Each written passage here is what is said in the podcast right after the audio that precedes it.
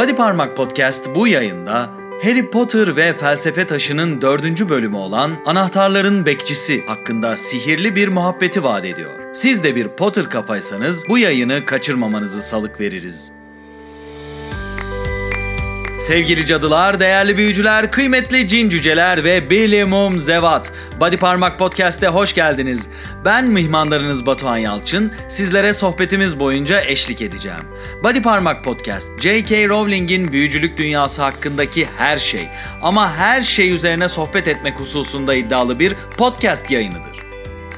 Değerli Potter kafalar, dilerseniz her zaman olduğu gibi sohbetimize inceleyeceğimiz bölümün özetiyle başlayalım. Zaten işler gittikçe sihirli hale gelmeye ve ardından karmaşıklaşmaya başlayacak. O yüzden bu özetler hayli işlevsel olacak diye düşünüyorum. Eh madem, karşınızda Harry Potter'ın bir büyücü olduğunu öğrendiği bölümün özeti.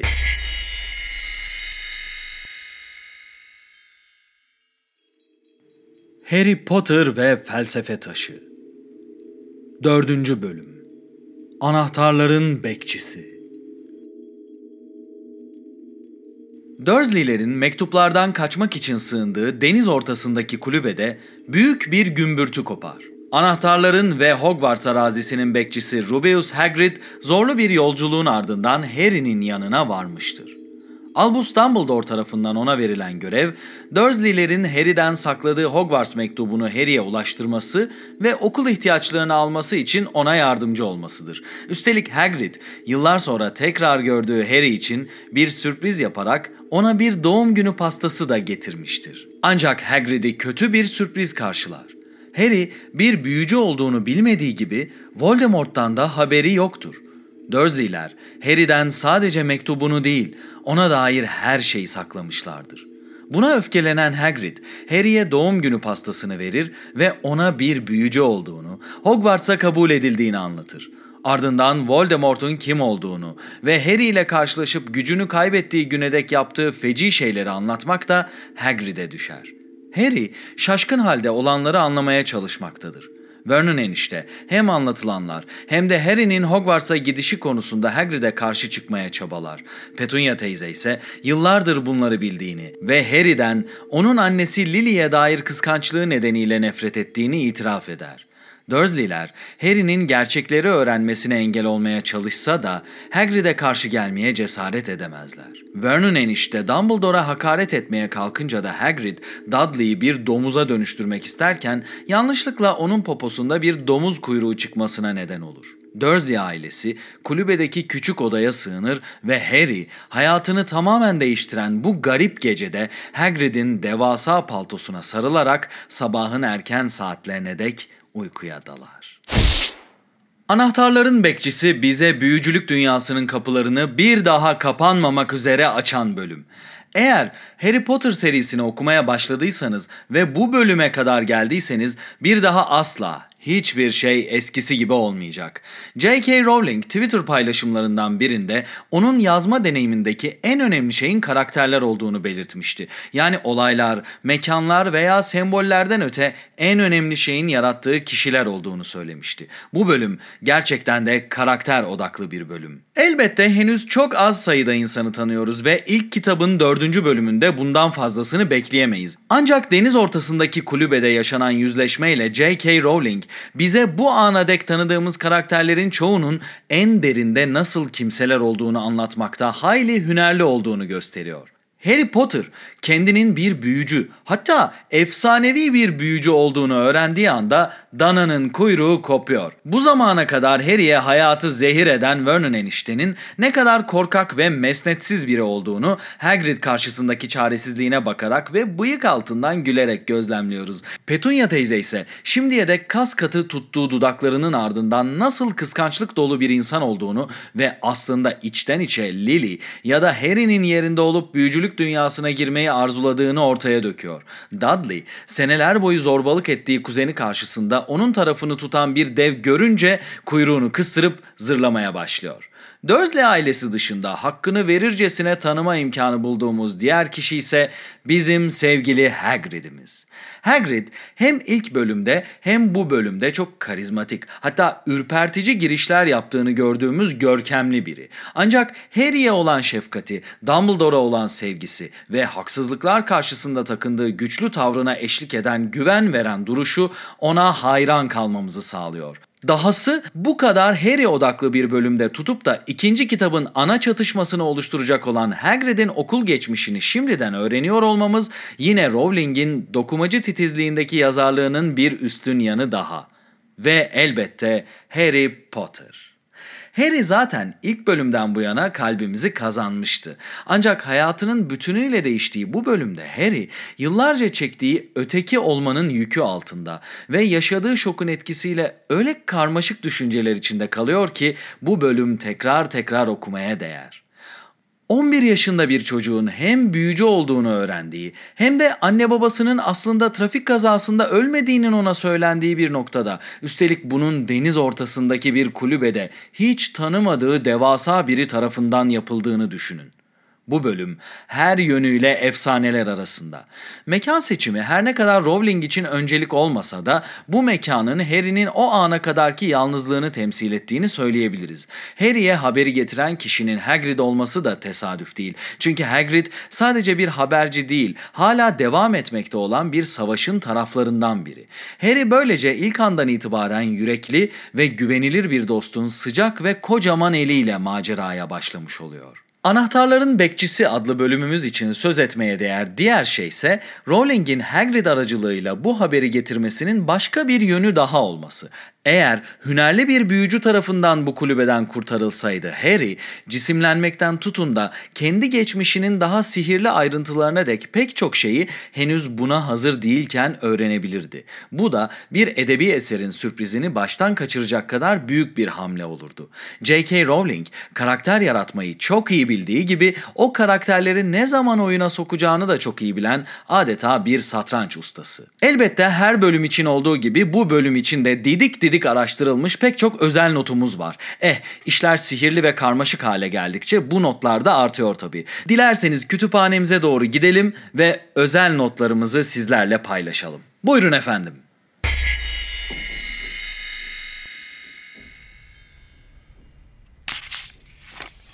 Anahtarların ve Hogwarts topraklarının muhafızı.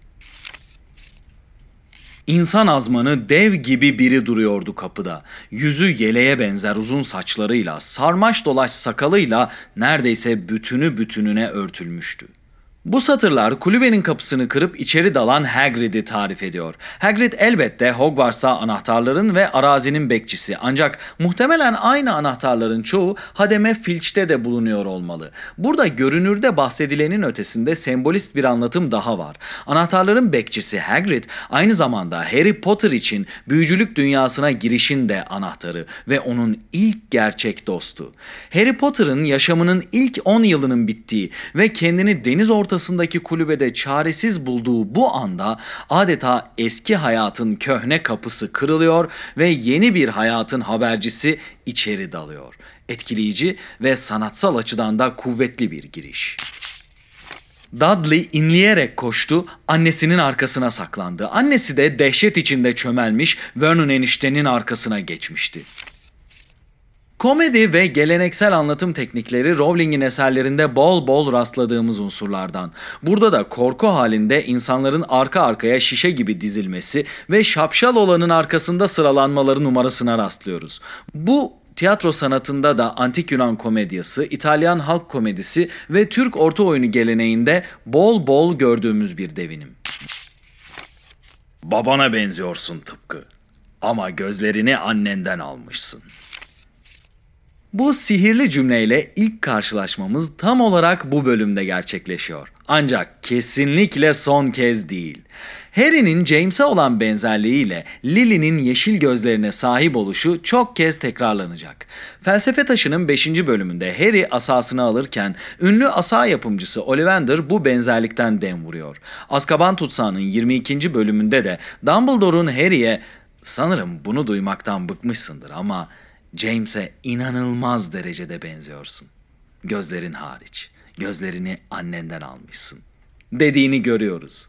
Seri boyunca da Zümrüt Anka yoldaşlığının 3. bölümünde Kingsley Shacklebot ve Alpheus Dodge, ayrıca Melez Prens'in 4. bölümünde Horace Slughorn ona bu benzerliği söyleyip duracaklar. Bir de elbette ölüm yadigarlarında Severus Snape'in Harry'nin gözlerine bakmak istediği son anında yaşananlarla Lily'e olan hislerinin derinliği yine bu yeşil gözlerin benzerliğinde saklı. İlk doğum günü pastası Hogwarts'a adım attığımız andan itibaren seri boyunca çenemizi yerlerden toplamakta zorluk çekeceğimiz aşırı lezzetli pek çok yemek karşımıza çıkacak. Yine de 11 yaşına giren Harry Potter için Hagrid'in hediyesi olan bu kocaman ve yapış yapış, çikolatalı ve yeşil kremayla üstüne yazı yazılmış ilk doğum günü pastası bizim için unutulmazlar arasında. Ocakta gürül gürül alevler yükseldi. Hagrid bu sihirli dakikada Harry'nin göremediği bir şekilde içinde odun bulunmayan şöminede bir ateş yakıyor. Burada kullanılan büyü incendio büyüsü olabileceği gibi Hermione'nin 7. kitapta çadırda yarattığı çan çiçeği rengi alevlerin yaratıldığı büyünün bir benzeri de olabilir. Hangisi olduğunu bilmesek de bu alevler hali hazırda üşümekte ve şaşkın haldeki Harry'i biraz rahatlatıyor olmalı. Dört nala giden gorgonlar. Çok az sayıda Potter kafanın hatırlayacağı bu cümle için kitabı açıp bu bölüme yeniden göz atmanız gerekebilir. Üstelik kitabı açsanız da bu cümleyi bulamayabilirsiniz.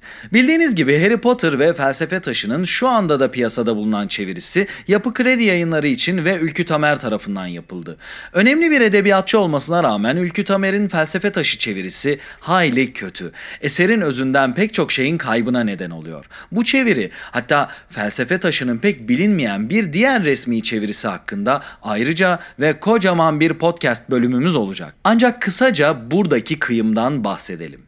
Bu bölümde Hagrid, Harry'e onun bir büyücü olduğunu söyleyip Hogwarts mektubunu okuduktan sonra Harry ona mektuba baykuşla yanıt vermenin ne demek olduğunu soruyor.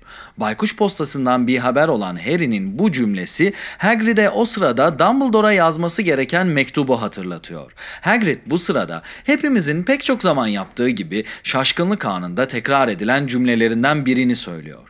Bu cümle eserin orijinal dilinde Galloping Gorgons şeklinde geçiyor ve anlamı ise dört nala giden gorgonlar. Yani seri boyunca pek çok büyücü ve cadının Merlin'in sakalı biçimindeki şaşırma cümlesinde olduğu gibi Hagrid de şaşkınlığını böyle dile getiriyor. Ancak Ülkü Tamer çevirisinde bu cümle tamamen yok sayılmış ve şaşkınlık anı vay canına ifadesiyle verilmiş. Yani Ülkü Tamer bizim sevgili J.K. Rowling'imizin eserdeki mitolojik süslemelerini gereksiz bulmuş. Gorgon denen varlıklar antik Yunan mitolojisinde keskin dişli, saç yerine başlarında canlı yılanlar olan dişi ifritlerdir.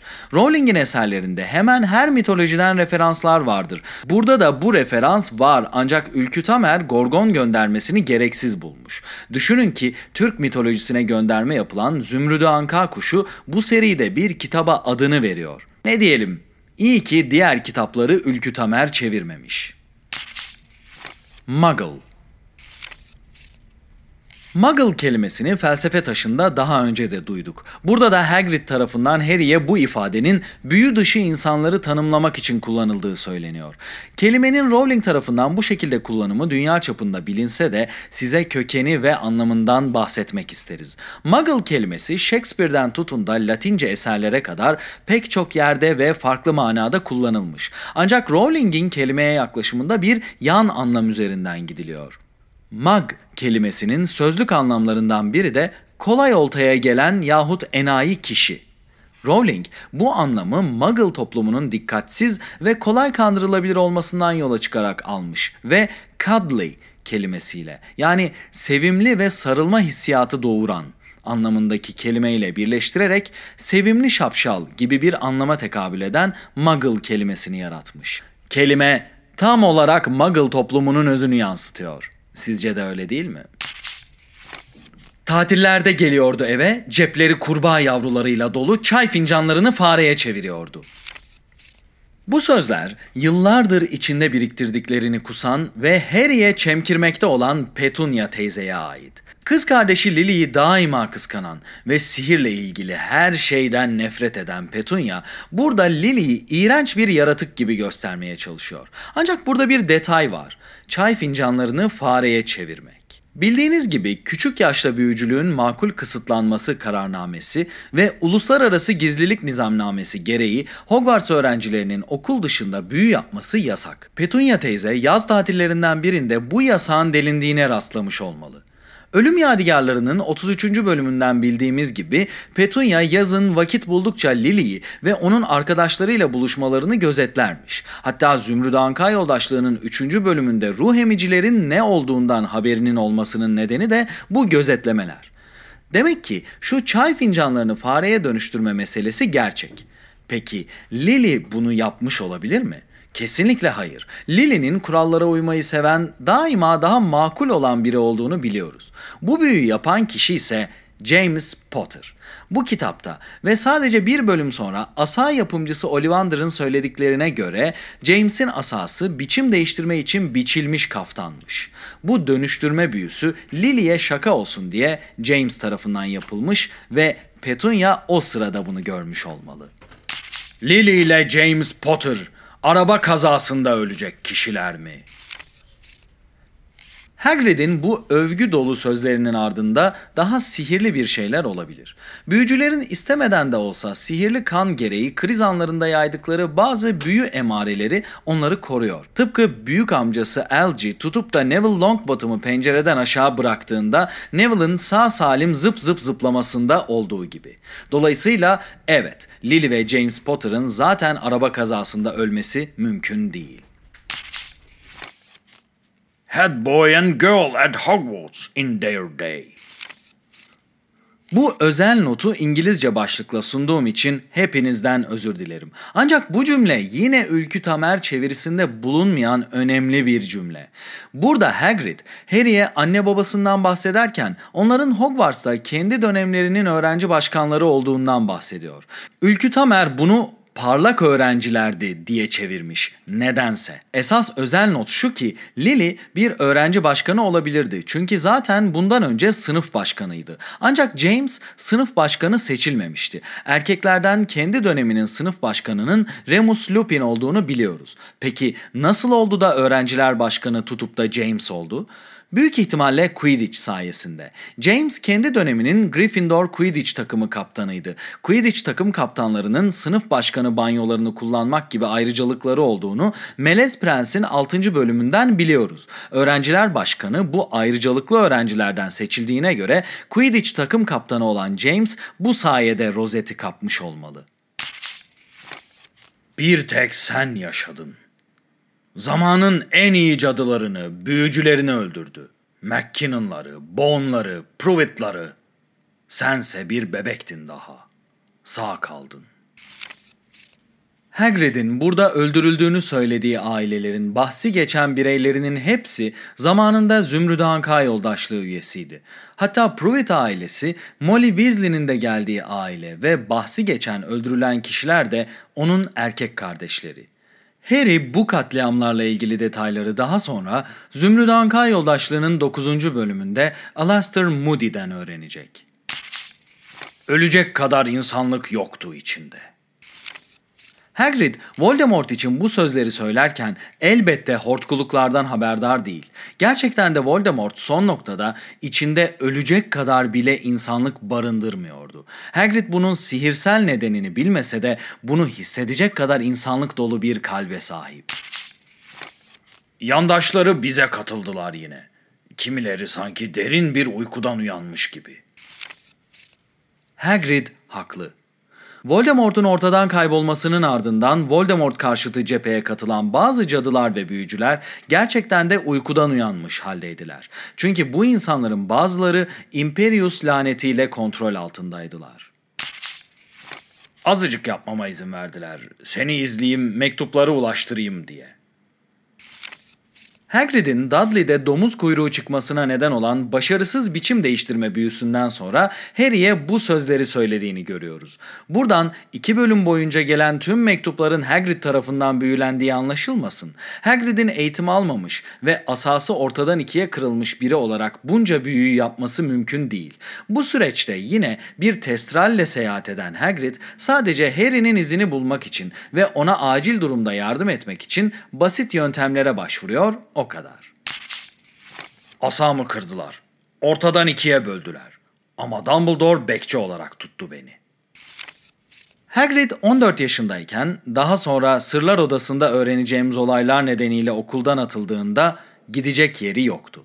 Dumbledore ise elbette bu travmatik olayda bir şekilde tam olarak kusurlu olmayan bu masum gencin sokağa atılmasına razı gelecek biri değil. Dumbledore bu süreçte Hogwarts müdürü olan Armando Dippet'i ikna ediyor ve Hagrid'i Hogwarts bekçisi olan Og isimli adamın yardımcısı olarak işe alıyor. Ateş Kadehi'nin 24 ve 31. bölümlerinden öğrendiğimiz kadarıyla 1970 yılına dek Og'un yardımcısı olarak çalışan Hagrid, yaşlı adam elden ayaktan düşünce işin başına geçiyor. Dumbledore pek çok kimseye gösterdiği vefa örneğini Og'dan da esirgemiyor ve yaşlı adam vefatına dek Hogwarts arazisinde yaşıyor. Kalın siyah paltosunu çıkarıp Harry'e fırlattı. Gir şunun altına, dedi. Bölümün son anına dair bu özel not içimizi acıtmayı bildiği gibi bizi sevgi pıtırcığı haline getirmeyi de iyi bilen Rowling'in yazarlık oyunlarından birine işaret ediyor. Kulübede Hagrid gelmeden önce soğuk zeminde incecik bir örtüyle uyumaya çalışan zavallı Harry'e hayli üzülmüştük. Bu anda da Harry'nin bir büyücü olduğunu öğrenmenin heyecanı ve şömine ateşiyle ısınan odada Harry'nin kalın mı kalın bir paltoyla rahat bir uyku çekeceğini bilmenin rahatlığı bizim de içimizi ısıtıyor. Bu bölüm için derlediğimiz özel notlarımız işte böyleydi. Şimdi karşınızda kişisel olarak en sevdiğim bölümümüz var. Fevkalade anlar dediğimiz bu kısımda incelenen bölümdeki en etkileyici anları, en ilgi çekici imgeleri yahut en duygusal kısımları incelemeye alıyoruz. Buyurun efendim.